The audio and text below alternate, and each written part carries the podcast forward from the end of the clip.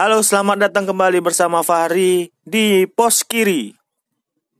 Podcast kisah-kisah Fahri. Kru kru kru. baru lagi Hari ini kita akan kembali membahas eh, sebuah tema. Kebetulan hari ini pas tanggal 17 Agustus. Dirgahayu Dirgahayu ya. Indonesia ku tercinta, semoga bangkit dan cepat pulih. Amin. Eh, untuk membahas tentang 17 Agustus Hari Kemerdekaan Indonesia, bahasa Inggrisnya Independence Day, sadau. Indonesia ini udah 76 tahun ya. ya 76 tahun merdeka. 76 tahun itu termasuk lama sih. Tapi kalau untuk di negara-negara lain eh kita masih muda karena Amerika sendiri itu udah lebih 100 tahun baru jadi negara maju. Ya kita mudah-mudahan kita doakan Indonesia cepat pulih, cepat bangkit. Kita akan mengejar ketinggalan dari berbagai berbagai segi kebangsaan, ekonomi, Hmm. eh apa namanya kepribadian masyarakatnya pembangunan politiknya agak lebih sehat eh, dan seterusnya lah gitu kan nah hari ini malam ini kita akan berbincang lagi bersama istri saya Putra Isya membahas tentang 17 Agustus iya yang berkesan kesannya apa ya kan Cuman ya kan Putri, kayaknya berapa tahun ini semenjak corona nggak meriah seperti dulu ya. 17 Agustus ya kan. Hmm. agak sepi Nggak agak sepi ya. Tahun pertama kemarin corona itu gimana di tempatmu? di sini sih kalau di Medan ya mes kan eh, pada waktu itu tahun 2020 ya bulan 3 itu udah mulai-mulai corona ya kan Nggak lah, 2019 lah Juli. Maret, Maret ya Maret. masih diadakan sih cuman nggak seketat yang sekarang Iya ya. Mm. Perlombaan-perlombaan banyak di rumah, dekat rumah. tiap tahun sih sama aja sih paling lomba lari panjat pucang Pucang, Pinang ya, Pinang. Pinang. apalagi itu tuh makan Eh, kerupuk ada. makan kerupuk tarik tambang Hmm, wayang guli tuh pakai sendok ah itu balap ada balap kuli. balap apalagi pakai yang pakai karung Nah, Balap itu. karung. Mm-mm. Hmm. Ta- itu sih. tahun lalu kalau tahun sekarang tahun sekarang sih udah ada surat edarannya cuman anak-anak ini kan pasti kan dia menanti-nanti namanya setahun sekali ya kan Mm. tapi ya udah dari kepala dusun sendiri memang nggak nggak boleh ada larangan cuman kita bikin acara kecil-kecilan aja sih tadi nggak bala meriah lah untuk biar ada kesannya gitu aja. tadi kayaknya kan dengar cerita-cerita kayaknya awalnya nggak dikasih kepada Hmm. dusunnya. Cuman karena ada anak-anak memang inisiatif sendiri ya. Hmm, anak-anak lingkungan ini inisiatif sendiri dia. Sampai sampai ambil pohon pucang orang. Kan? pohon pohon pinangnya di apa diambil sendiri tapi yang pendek. Namanya anak-anak ya kan? Ya kira-kira satu meter lah.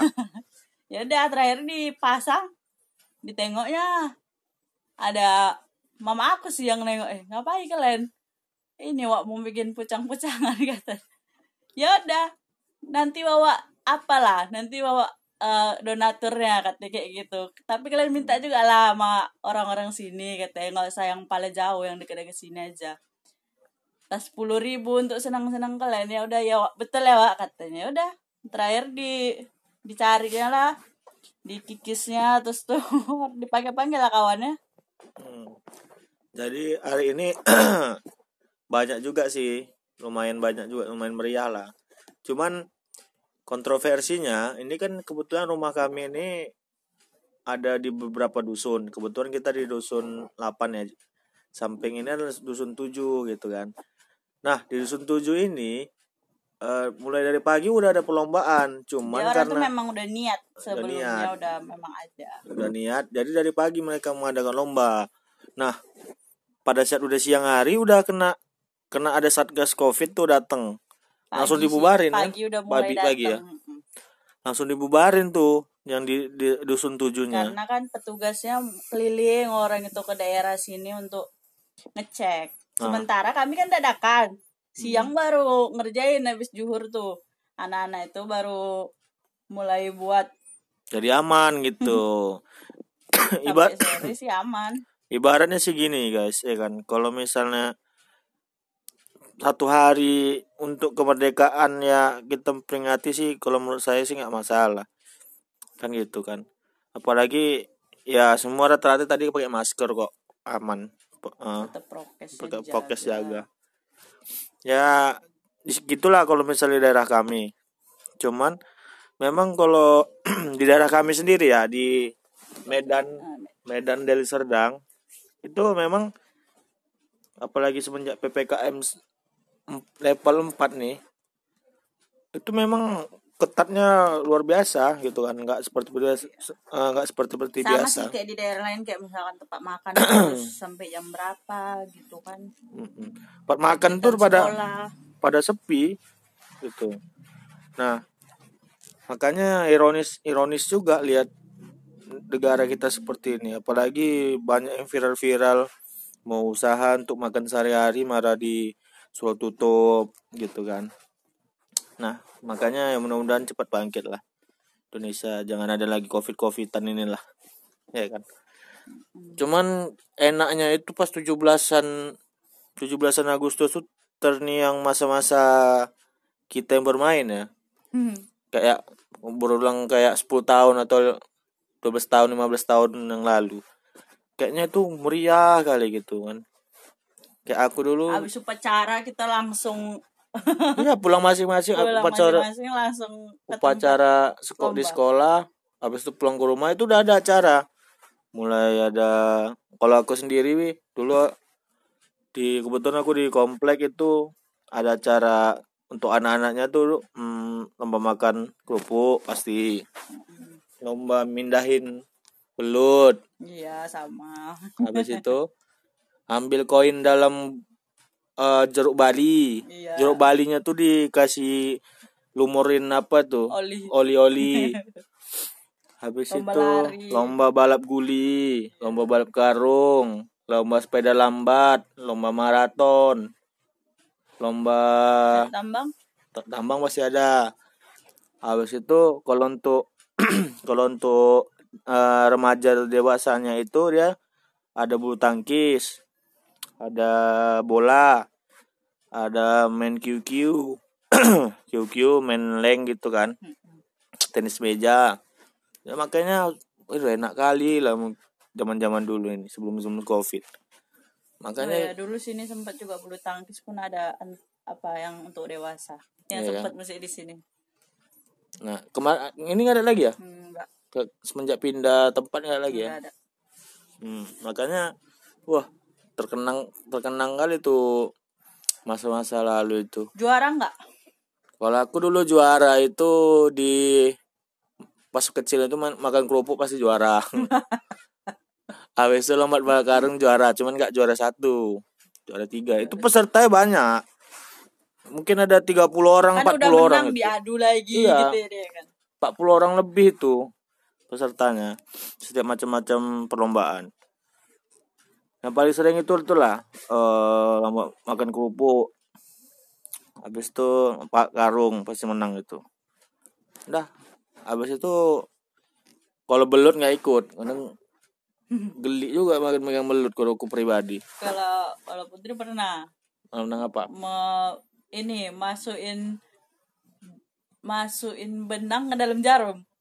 Nah itu ada tuh lombanya. Tapi udah Oh. nggak anak-anak udah mulai SMA ada tuh. Kalau kami lomba itu. nggak lomba masukin paku dalam botol. Aku nah, itu menang. ada juga. Itu menang. Aku menang aku pernah.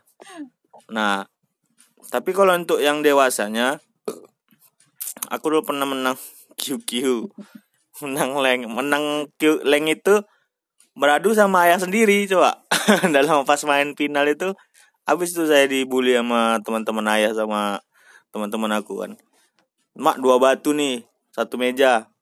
Gitu gitulah baset padahal musuh. Beda lawan lah pada saat itu. Kalah. Kalah apa? aku. Kalah aku. Sebukannya bukan kalah kalah mental doang. Karena di udahlah ngalah lah ngalah lah sama bapak. Malu nanti bapakmu gitu gitulah kata bahasanya jadi iya lu juga lah dah kalah ya ngalah. Cuman itu kalau main leng itu kami aku ya main leng kalah sama ayah sendiri main QQ aku teringat aku menang finalnya lawan kepala satpam kepala satpam. Dapat apa tuh kalau lomba kayak gitu sih? Kan Dulu lama itu pasti prosesnya. Kalau leng sama QQ itu dapat uang. Berapa itu kan nominalnya? itu dewasa itu. Udah apa apa namanya kategori dewasa remaja. Nominalnya ya nggak banyak banyak kali seru-seruan. Gope gitu ya? Gope gope it- gope entah berapa. Pokoknya lumayan lah untuk bagi dua sama tandemnya gitu. Cuman yang paling banyak tuh besar nominalnya itu panjat panjat pinang atau panjat pucang tempat kami. banyak, donaturnya kan. Banyak donaturnya. Kebetulan ya kan guys ini di komplek kami ini memang pejabat-pejabat semua mulai dari Kapolres di Sumut tuh ada empat empat ada tiga. Kepala dinas. Kepala dinas ada dua di situ. Habis itu kontraktor-kontraktor bos-bos kontraktor situ. Jadi lumayan lumayan lah itu pernah dulu rekor untuk panjat pucang kami kan panjat pucang tuh ada kategori ada ininya lah perwakilannya. Ada perwakilan remaja tuh dua orang dua tim. Habis itu satpam dua tim. Bapak-bapak satu tim. Sama orang luar yang banyak karena tahu dia banyak dapat uangnya. Karena ada tuh biasanya kalau di luar-luar komplek memang ada tuh tim-tim yang khusus dia nyebar ny- nyari nyari nyari apa? Yang yang Dari- ada ngadain ngadain ada ngadain yang lumayan lumayan lumayan hadiahnya. Itu udah sempat kami soalnya kami aku dulu pernah panitia juga. Itu dananya itu untuk awalnya aja belum sawer saweran kan itu biasa ada sawer ya. untuk dana awalnya itu 6 juta 7 juta itu dapat bendera. Itu sawer saweran lebih tinggi lagi. Makanya ngeri lah dulu. Jadi Eh, semangat orang semangat semangat. Serunya lu dua kali lipat itu. Karena kan kalau dewasa ini ya mustahil kalau mau ikut cuman harga hadiahnya lima ribu. Capek-capek capek-capek badan. gitu kan. Ini untuk uang pribadi mereka kan gitu. Oke mau. Kalau di sini pernah? Berapa berapa banyak kalau pencang nominal? Kalau di sini kayaknya nggak sampai eh, di atas 5 juta lah. Paling sejuta dua juta. Terus tuh hadiah yang lain-lainnya itu ada sepeda ada rice cooker ah, gitu-gitu. Oh ba- barang deh ya? Ah, ah, ada ada kompor gitulah untuk mamaknya hadiah untuk mamaknya. Tapi tapi kami dulu aku kan pernah jadi panitia kan. Kami pernah kan kami pernah mau buat kayak gitu juga. Cuman kami mikir kan kalau misalnya hadiah barang itu kan nggak satu tim bukan satu keluarga. Iya. Makanya kayak mana terakhir mau dijual juga bang kami kasih duit gitu. Itu mikirnya sih kalau ini gini kan satu orang tuh tujuh orang tuh misalnya. Panjat pucang. Tujuh orang dapat kompor. Mau diapain kompor? Masa bagi tujuh? Ya kan dia kan pas awalnya itu kan dia naik. Itulah dia akan siapa yang nyabut bendera itulah dia dapat uang paling banyak. Baru dikasih ke timnya lah bagi-bagi. Kalau Habis itu- uang. Heeh, habis itu kan dia hadiah hiburannya kan dia ngambil sendiri untuk dia. Apalah yang dia mau. Itulah rebut-rebutannya di situ. Kalau dia dapetnya terakhir kompor untuk mamanya ya kompor lah dia dapat Tapi nggak bisa karena pucangnya atau pinang sendiri ini mainnya tim bukan perorangan. Enaknya yang paling atas lah berarti. Soalnya yang paling atasnya paling kecil biasanya kan gitu. ya iya memang itulah memang yang menang kan selalu dapet yang enak Ya. Habis itu di sekolah dulu ada nggak lomba-lomba? Itu kan di rumah masing-masing. Kalau di sekolah dulu pernah nggak ada acara 17-an? kok di sekolah yang hias kelas lah Hias kelas ya sama. Kami juga mi- hias kelas. Habis itu biasanya kalau di sekolah itu, kalau aku pribadi sekolah dulu, puisi-puisi gitu ya ya lombanya itu digelar itu dua minggu sebelum ini, sebelum ha, ha- jadi hari H tinggal hari pembagian hadiah iya. Dulu sekolah aku ingat dulu lomba baca puisi ada. Kebetulan sekolah Islam ada baca tahfiz Quran. Habis itu surat-surat pendek. Habis itu surat lomba lebih ke edukatif. Ya Enggak, itu yang edukatif dulu. Habis itu seingat aku itu untuk untuk olahraganya itu ada apa namanya busana muslim. Hmm. laki-laki perempuan ada.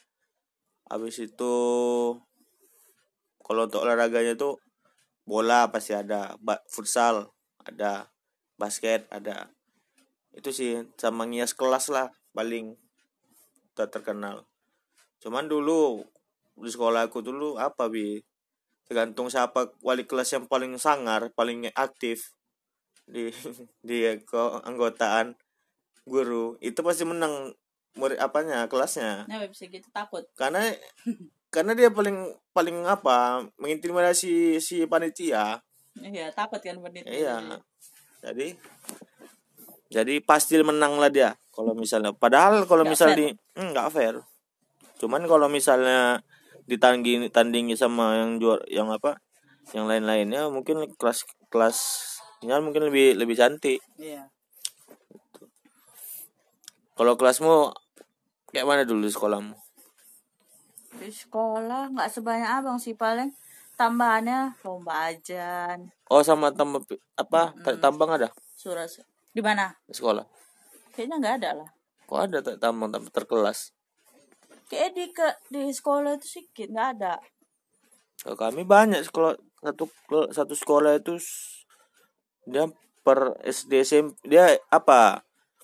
Permain perlombaannya tuh SD kelas 1 sampai kelas 6 memang nggak adil. Itu digabung. SMP kelas 1 sampai kelas 3 tuh apa ditandingin? SMA kelas 1 sampai 3 tandingin gitu ya lumayan lah ya untuk seru-seruan aja. Cuman kan kalau 17-an sekarang memang menyedihkan kali lah lihat lihat negara ini. Kayak mana orang dila- kita dilarang semua. Kalau pendapat aku pribadi ya. Kebetulan ini kan negara kita negara demokrasi, bolehlah ngasih saran atau kritik. Kita disuruh tidur di rumah. Nggak disuruh nggak disuruh diam di rumah aja pun kita pasti di rumah- diam di rumah. Karena mak sebagian masyarakat kita menengah ke bawah. Untuk mengeluarkan atau ngelihat itu ngelihat pacara itu kayaknya udah males dengan dengan situasi negara sekarang ya kan? Hmm. contoh aja di Medan itu lumayan lumayan ketat ekonomi melambat. Paling sektor apa lah coba? Naik zaman corona ini nggak ada ya kan semua kayaknya melambat paling pesan-pesanan Ya iyalah. Ya kan? Yang, yang masih Pengantaran. bisa online masih bisa jalan. tapi yang lain ya melambat semua cuman yang anehnya kan guys ini penglihatan aku pribadi di Medan sendiri makin banyak makin lama corona ini makin banyak pengusaha muncul ya kan tapi nggak ada yang beli Iya. Cuma- Karena banyakan yang jual daripada yang beli. iya. Itu penglihatan di daerah kita ya. Atau di daerah lain.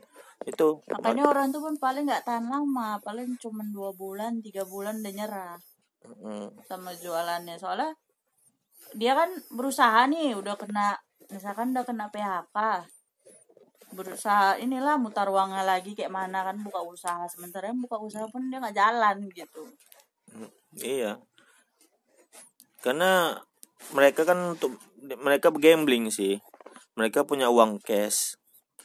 Kalau di kalau nggak buka usaha nanti uangnya habis secara nggak secara perlahan. iya Mereka mau gambling untuk membuat usaha kecil-kecilan atau UMKM untuk mengharapkan pembeli malah malah pembeli iya gitu kan. pembelinya pembelinya sedikit karena orang pada karena lebih ma- pembelinya mie masak kan? ekonominya ya kayak gitu Iya. kan. Lebih mie masak gitu. Ini dengar info barusan tadi pagi perpanjang lagi ppkm ya mudah-mudahan cepat berlalu lah kayak gini. Dan cuman cuman solusi dari aku pribadi untuk negara kita lebih bangkit atau lebih maju lagi pulih dengan keadaan normal seharusnya kita eh, eh, apa ya seharusnya kita eh, ikuti anjuran vaksin. Vaksin. Karena aku gini guys.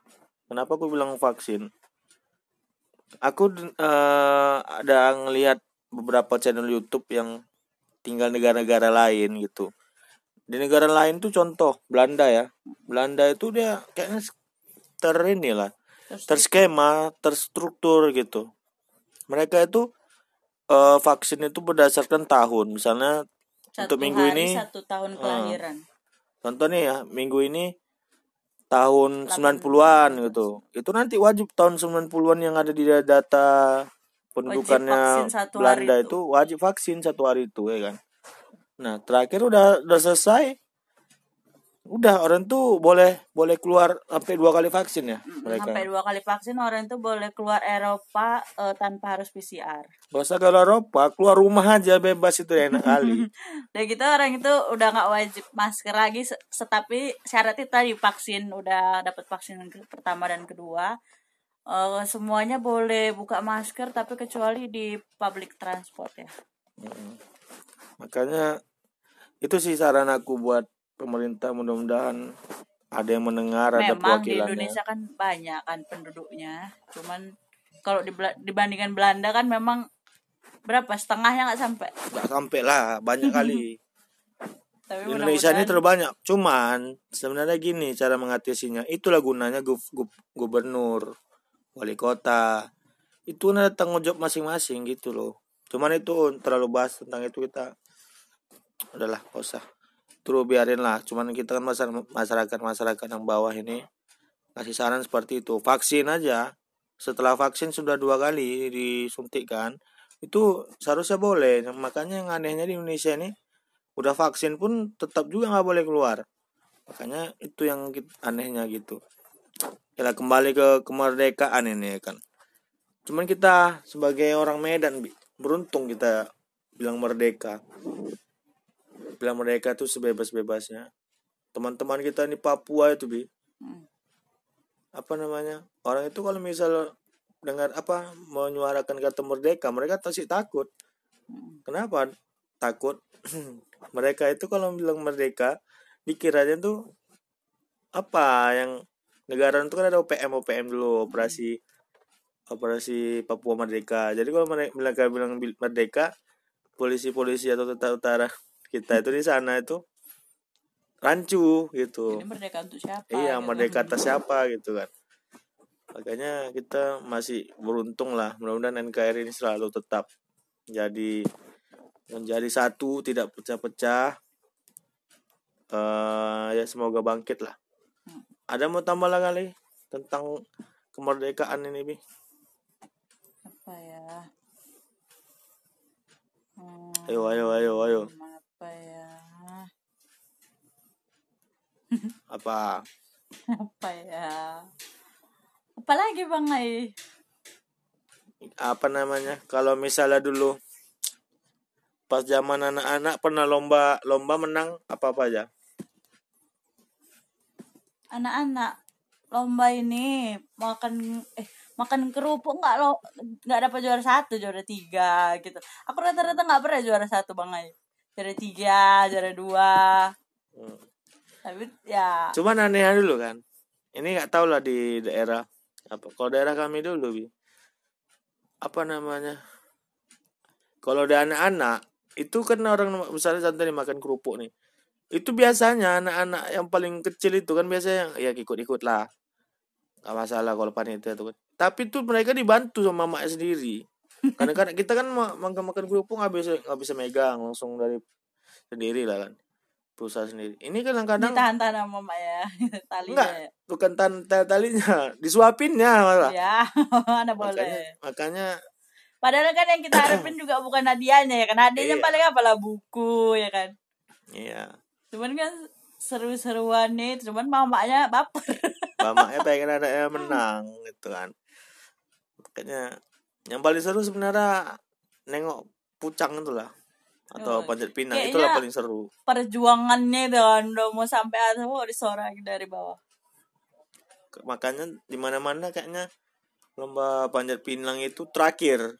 Mm, itu seru ya? ya iya gongnya Oh, Nah, kalau kami dulu habis udah apa? Udah acara lomba, itu habis sisa itu mulai aja lagi acara. Pembagian hadiah. Sebelum pembagian hadiah itu sambutan lah. Sambutan dari ketua per- apa ketua komplek habis itu eh apa namanya para ketua panitia Mm-mm. baru barulah mama nyanyi Hmm.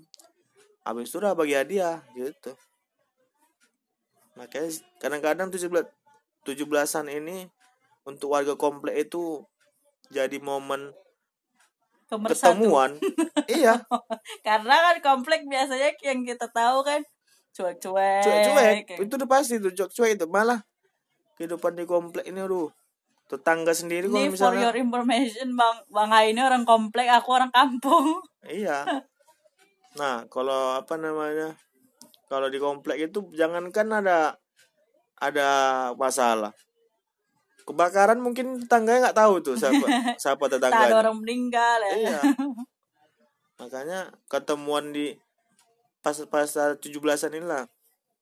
Silaturahmi itu kumpul lah sama orang-orang komplek. Malah yang udah keluar dari komplek itu pun ikut lagi ke dalam gitu. Sementara kalau di kampung, awak belum kan belum dengar tetangga udah dengar duluan. awak belum dengar nih pa- permasalahan keluarga awak. dia udah apa duluan? Dengar duluan minta konfirmasi. Betul apa enggak? Ya mana awak tahu Oke lah, sekian aja lah masalah tentang Hari Kemerdekaan Republik Indonesia yang 76 ini. yang tujuh enam Eh, ini Yang ke-76 ini.